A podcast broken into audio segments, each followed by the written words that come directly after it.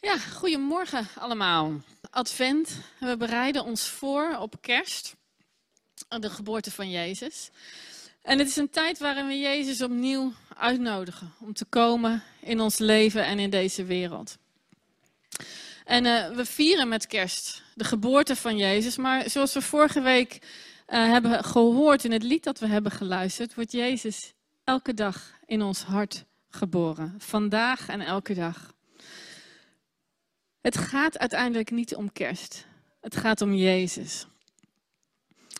En wie verwacht je dan eigenlijk? het gaat om Hem. Wie verwacht je en wat verwacht je? Dus we gaan in deze adventperiode stilstaan bij de namen van Jezus. De namen die Hij draagt.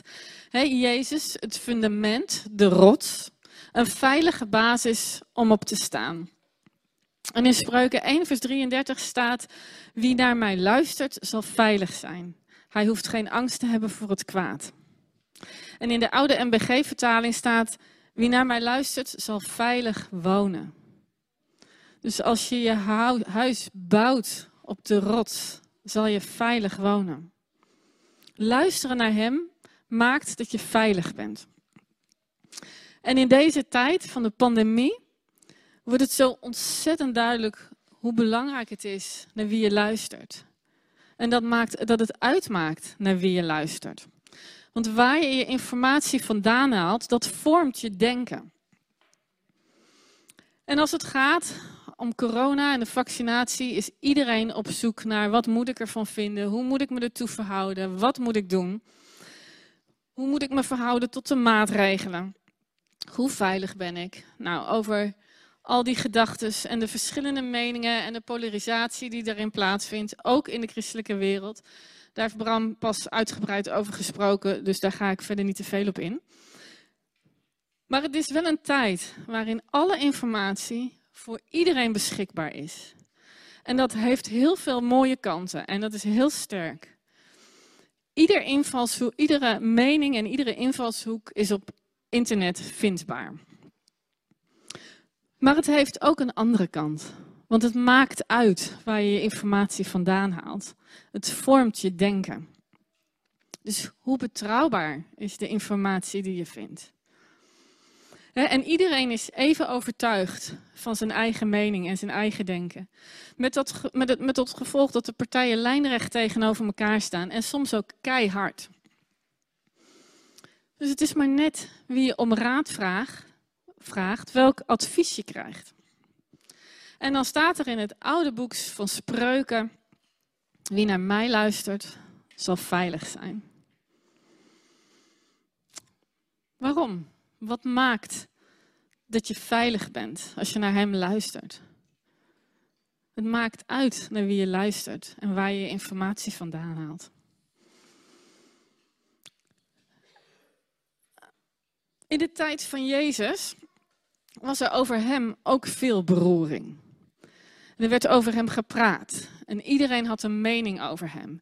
En de een vond hem geweldig, was door hem genezen en die kon hem zien als de zoon van God. En er waren mensen die zeiden, nou, hij is een godslasteraar, hij is een charlatan. Hij was echt de talk of the town en iedereen was even overtuigd van zijn eigen mening. En op een gegeven moment in Matthäus 16, dan vraagt hij aan zijn leerlingen: Wie zeggen de mensen nou dat ik ben? En dan krijgt hij verschillende antwoorden. Hij zegt, ze, zeggen van, uh, ze zeggen dat u Johannes de Doper bent. U zegt, ze zeggen dat u Elia bent, dat u Jeremia bent. Of een van de andere profeten. En dan vraagt Jezus aan hen: Wie zeggen jullie dat ik ben? En Petrus, die zegt: U bent de Messias, de zoon van de levende God. En daarop zegt Jezus tegen hem: Gelukkig ben je, Simon Barjona, want dit is je niet door mensen van vlees en bloed geopenbaard, maar door mijn Vader in de hemel. U bent de Messias, de zoon van de levende God. En Jezus zegt dus tegen Simon van dit is niet iets wat je gehoord hebt op straat. Dit is niet een mening die je hier verkondigt. Dit is niet iets wat je opgepikt hebt van iemand anders. In deze tijd zou je kunnen zeggen: dit is niet iets wat je hebt, uh, hebt opgepikt vanuit internet. Hij zegt: dit is wat de Vader, de Vader zelf, God zelf, jou heeft geopenbaard. Een betrouwbare bron, lijkt mij. Jezus Messias. Een nieuwe naam in de rij van namen. Messias is Arameens en dat betekent gezalfde. En in het Grieks is dat Christus. Christus. Jezus Messias, Jezus Christus, Jezus de gezalfde. En bij de Joden is zalving een teken dat God jou heeft uitgekozen om een speciale taak te vervullen. Dat God jou heeft uitgekozen voor een speciale missie. En in het Oude Testament worden koningen gezalfd, worden priesters gezalfd, worden soms ook profeten van het volk Israël gezalfd. Als teken dat ze met de volmacht van God, dat ze namens God, hun rol vervullen en hun taak uitoefenen. Koningen, priesters, profeten. En een koning, zijn taak was om te regeren. De taak van een priester was om mensen met God te verzoenen, om ze opnieuw in relatie met God te brengen. En een profeet die spreekt namens God, die geeft de woorden van God door. Gods hart geeft hij door aan de mensen. Jezus, Messias, koning, priester, profeet. Hij is gekomen om te regeren. Hij is gekomen om mensen opnieuw te verzoenen met God, om ze opnieuw in relatie met de Vader te brengen. En hij is gekomen om te laten zien wie de Vader is. Om de woorden van God te spreken en de daden van God te doen. Want hij en de Vader zijn één. Jezus de gezalfde. Jezus Messias. Hij is alles in één. En zijn komst was al, zo'n, was al eeuwen daarvoor aangekondigd, al was zo'n 700 jaar eerder. En eigenlijk staan er in de hele Bijbel, de hele Bijbel door, verwijzingen naar de komst van Jezus en naar zijn koningschap. En dat begint in Genesis en dat gaat het hele Oude Testament door.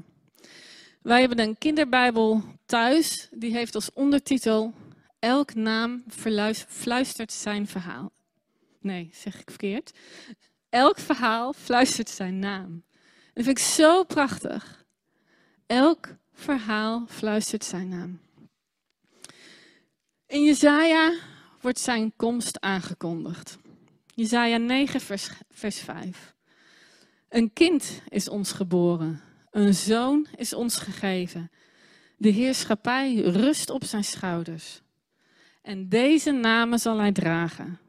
Wonderbare raadsman, sterke God, eeuwige Vader, vredevorst. Hier is de fluistering vrij duidelijk. Hier wordt gesproken over een kind dat geboren wordt, die de heerschappij op zijn schouders draagt. Hij zal regeren, deze koning. Dit gaat over Jezus. En het gaat nog verder. Groot is de heerschappij en zonder einde de vrede. Voor de troon van David en voor zijn koninkrijk. Ze zijn gegrondvest op recht en gerechtigheid en staan vast voor altijd en eeuwig. De Heer van de hemelse machten brengt dit in zijn vurige liefde tot stand. Dit gaat niet alleen over kerst, over de geboorte van een kind. Dit gaat veel verder. Hier wordt een koninkrijk aangekondigd. Dat met zijn geboorte ingezet zal worden. Hier wordt een koning voorgesteld. Een koning die de namen draagt, wonderbare raadsman, sterke God, eeuwige Vader, vredevorst. En een naam zegt iets over iemand. Wie hij is, maar soms ook over hoe hij is. En uh, met name in de Bijbel, in de, in de tijd van het volk Israël, hadden de namen een grote betekenis. Veel meer dan in de huidige cultuur. In de Bijbel zeggen namen ook echt iets over iemands aard en iemands karakter. Of over zijn bestemming. En als dat geldt voor de namen van mensen, hoeveel meer geldt het dan niet voor de namen van de Heer? Elke naam van Jezus openbaart iets van zijn karakter. Iets anders, iets nieuws over wie Hij is en hoe Hij in ons leven betrokken wil zijn. Zijn namen spreken van zijn karakter en van de aard van zijn koningschap. Messias, gezalfde, wonderbare raadsman, sterke God, eeuwige Vader, vredevorst. Wonderbare raadsman. Heb je wijsheid nodig? In Jacobus staat: Komt, u wijsheid, komt een van jullie wijsheid tekort? Vraag God erom. En hij die aan iedereen geeft, zonder voorbehoud en zonder verwijt, zal u wijsheid geven. Jezus wil zijn wijsheid met ons delen. Hij ziet dingen die wij niet zien. Hij snapt dingen die wij niet snappen. Hij overziet. Wie heeft er nou niet soms wijsheid en raad nodig? En het maakt uit waar je je informatie vandaan haalt. Het maakt verschil wie je om advies vraagt. En ik heb met regelmaat wijsheid nodig, raad nodig. In mijn werk, in mijn relatie, in mijn vriendschappen, in uh, keuzes die ik moet maken, in het opvoeden van de kinderen. En misschien heb jij op andere terreinen wijsheid nodig, wat je studie betreft of wat je werk betreft. Jezus is de wonderbare raadsman en hij heeft antwoorden die jij zoekt. En hij geeft zijn wijsheid zonder voorbehoud, zonder verwijt. En we kunnen elkaar helpen om die wijsheid van God te ontvangen. Omdat een ander andere dingen hoort dan jijzelf. En een andere relatie heeft met de Heer dan jijzelf. Samen kunnen we Jezus om antwoorden vragen. Samen kunnen we putten uit dezelfde bron. Want het maakt uit bij wie je om raad vraagt. Hij is de sterke God. En in de oude nieuwe Bijbelvertaling, ik ben, de teksten lees ik uit de MBV 21, maar uit de oude nieuwe Bijbelvertaling wordt sterke God vertaald met goddelijke held. Er spreekt ook iets van, een, van, van kracht uit. God geeft ons Jezus als koning, een goddelijke held. En aan hem is gegeven alle macht in hemel en op de aarde. En doordat wij verbonden zijn met Jezus, met die sterke God, die goddelijke held, hebben we toegang tot die goddelijke kracht. Een kracht die in deze wereld doorbreekt om dingen recht te zetten. En dat is waarom wij bidden om genezing. Dat is waarom wij bidden om herstel. Om redding, om bevrijding. De kracht van deze sterke God die Jezus uit de dood deed opstaan, is dezelfde kracht die in ons midden is, die in ons woont. En daar mogen we een beroep op doen. Die kracht is nog steeds hetzelfde. Eeuwige Vader. En waar God zich in de Bijbel als Vader openbaart, als Vader toont, dan gaat het over bescherming over voorziening, over leiding en over inzicht. Een vader die weet wat je nodig hebt, nog voordat je erom gevraagd hebt. Een vader die je wil geven, veel meer dan waar je om vraagt. Een vader die voor je wil zorgen. Een vader die je wil vergeven. Een vader die niet wil dat iemand verloren gaat. Een vader die liefde is. En zo zijn er nog veel meer beschrijvingen in de Bijbel voor het vaderschap van onze God. Eeuwige Vader. Dat gaat voorbij kerst. Dat gaat voorbij deze tijd. Dit is voor eeuwig. Zonder einde. de vredevorst. Zijn koninkrijk is een koninkrijk van vrede. Hij is de koning die vrede brengt. En er is in deze tijd zoveel verwarring en zoveel onrust. En de pandemie, natuurrampen, er zijn oorlogen. Er zijn miljoenen mensen op de vlucht omdat het in hun land niet veilig is. En we spreken vaak over vrede als er geen oorlog is. Maar vrede is zoveel meer dan dat.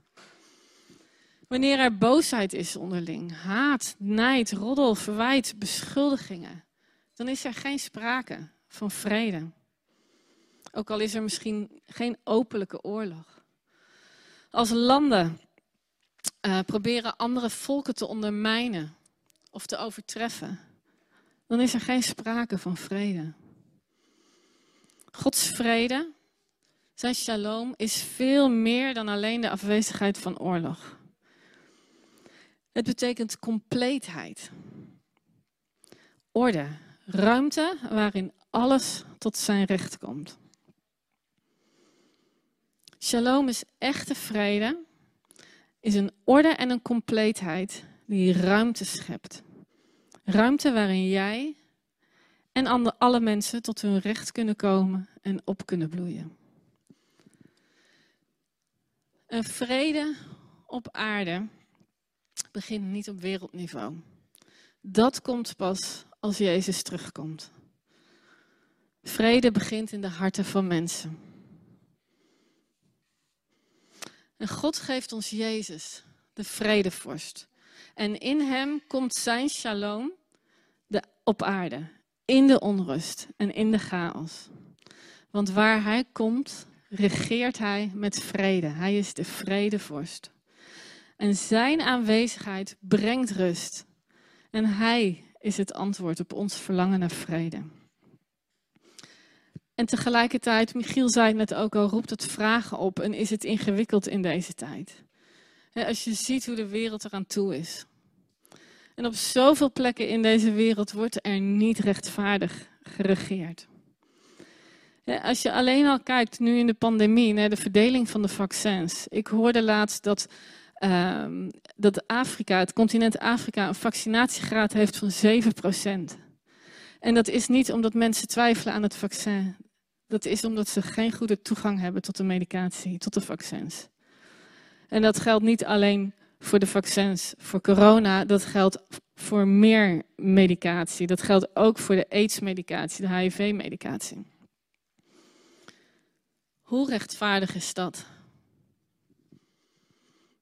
En toch, en toch draagt hij de namen wonderbare raadsman, sterke God, eeuwige Vader, vredevorst, Jezus, de Messias. Wat opvalt in deze tekst is dat er staat 700 jaar voor de geboorte van Jezus. Een kind is ons geboren. Een zoon is ons gegeven. En hoewel zijn heerschappij nog niet volledig is, het is er al wel.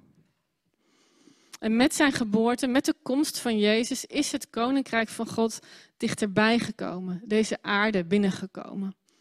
In Marcus 1, vers 14 staat: De tijd is aangebroken. Het koninkrijk van God is nabij. Kom tot inkeer en geloof dit goede nieuws. Het koninkrijk van God is gekomen met de geboorte van Jezus. Hij heeft het koninkrijk van God deze aarde ingebracht. En door de Heilige Geest mogen wij het koninkrijk brengen naar de mensen om ons heen. En in het leven dat wij leiden en de keuzes die wij maken, is het onze opdracht om de koning te vertegenwoordigen. Met wijsheid, met kracht, in vertrouwen op onze Vader en met vrede. Vrede en rechtvaardigheid. Want het is Gods verlangen dat zijn koninkrijk meer en meer doorbreekt in deze wereld. Zijn koninkrijk van wijsheid, van kracht, van voorziening en bescherming, het koninkrijk van de Vader. En ik weet niet hoe jij hier vanmorgen gekomen bent en wie jij hoopte te ontmoeten vanmorgen. Welke naam jouw hart doet opspringen. En welk aspect van, van zijn koningschap jij graag wilt zien in jouw leven. Of die je graag wil ontdekken. De vraag die Jezus aan zijn leerlingen stelt, is een vraag die hij ons ook nog steeds stelt. En jij, wie denk jij dat ik ben? Wie verwacht jij? Wie wil jij graag ontmoeten? Wie hoop je te ontmoeten? Hij is hier. De wonderbare raadsman. De sterke God. De eeuwige Vader. De vredevorst.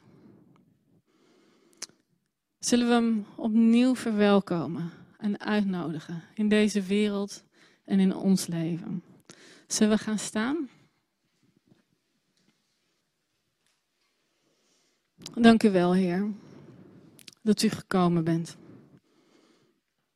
Dank u wel dat u hier bent. En u bent zo welkom, Heer. Kom met uw Heilige Geest. En Heer Jezus, we houden van u. En wij noemen u wonderbare raadsman, sterke God, eeuwige Vader, vredevorst. Dank u wel dat u regeert met recht en gerechtigheid.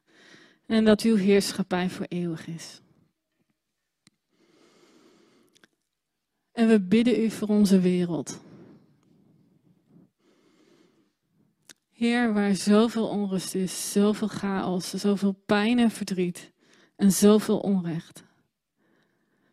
We bidden dat u komt met uw heerschappij. We bidden dat u doorbreekt, dat uw koninkrijk doorbreekt. En we bidden dat u uw kinderen recht doet.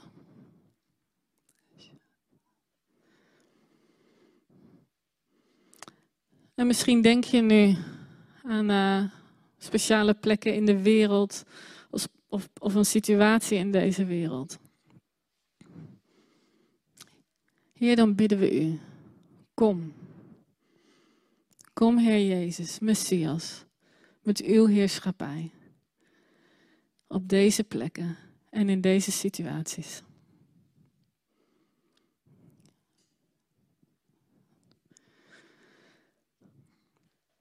En ik heb de indruk dat, uh, de, de, de, Heer is hier. En, uh, en misschien heb je een van die dingen van zijn koninkrijk, van zijn heerschappij nodig op dit moment. Of verlang je ernaar om er meer van te ontdekken. Ik heb echt de indruk dat de Heer wil uitdelen vandaag. Dus ik wil je eigenlijk vragen, je mag gewoon je ogen dicht houden. Wie heeft de wijsheid van een wonderbare raadsman nodig vandaag? Steek je hand op.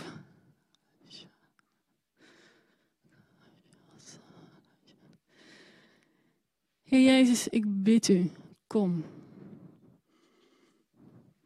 Kom met uw Heilige Geest. En deel uw hart met uw kinderen. Laat zien wat u ziet. Heer, en open hun ogen en hun harten om uw stem te horen. Om te horen wat u zegt, wat u ziet en wat u wilt. En ik zegen jullie met moed en met open harten om zijn waarheid en zijn wijsheid te ontvangen. In Jezus' naam. En wie heeft de kracht van de sterke, de sterke God nodig op dit moment in zijn leven? Steek gewoon je hand op.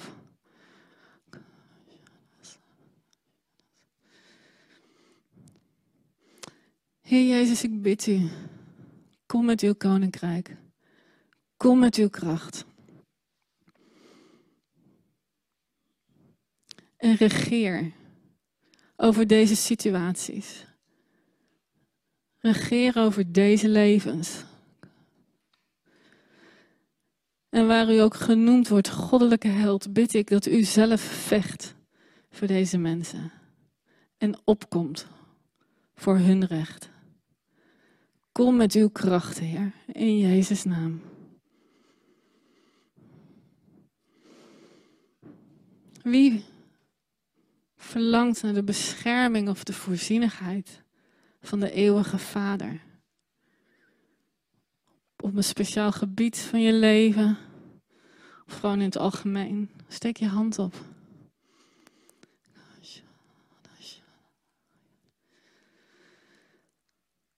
Vader, ik bid u, kom.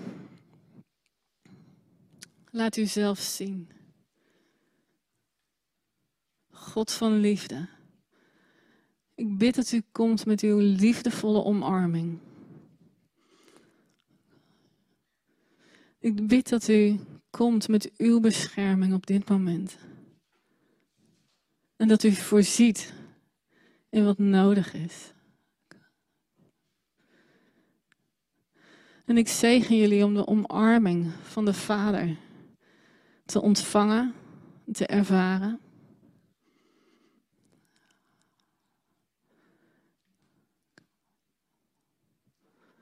En mag Hij um, zijn liefdevolle woorden in je oor fluisteren.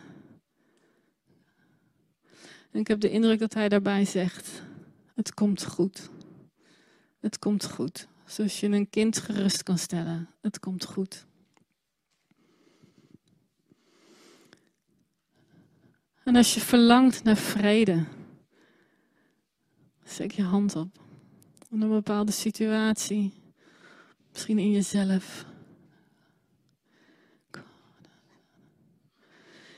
Heer Jezus, regeer met vrede in de harten en in de levens van deze mensen. Laat uw vrede neerdalen.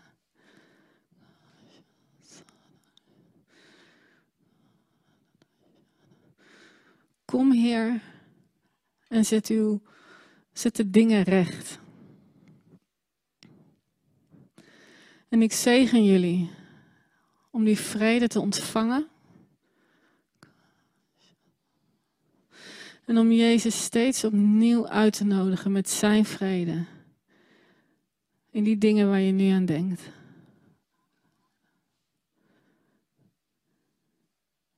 Heer, zet uw vrede vrij. Ik spreek vrede over jullie uit.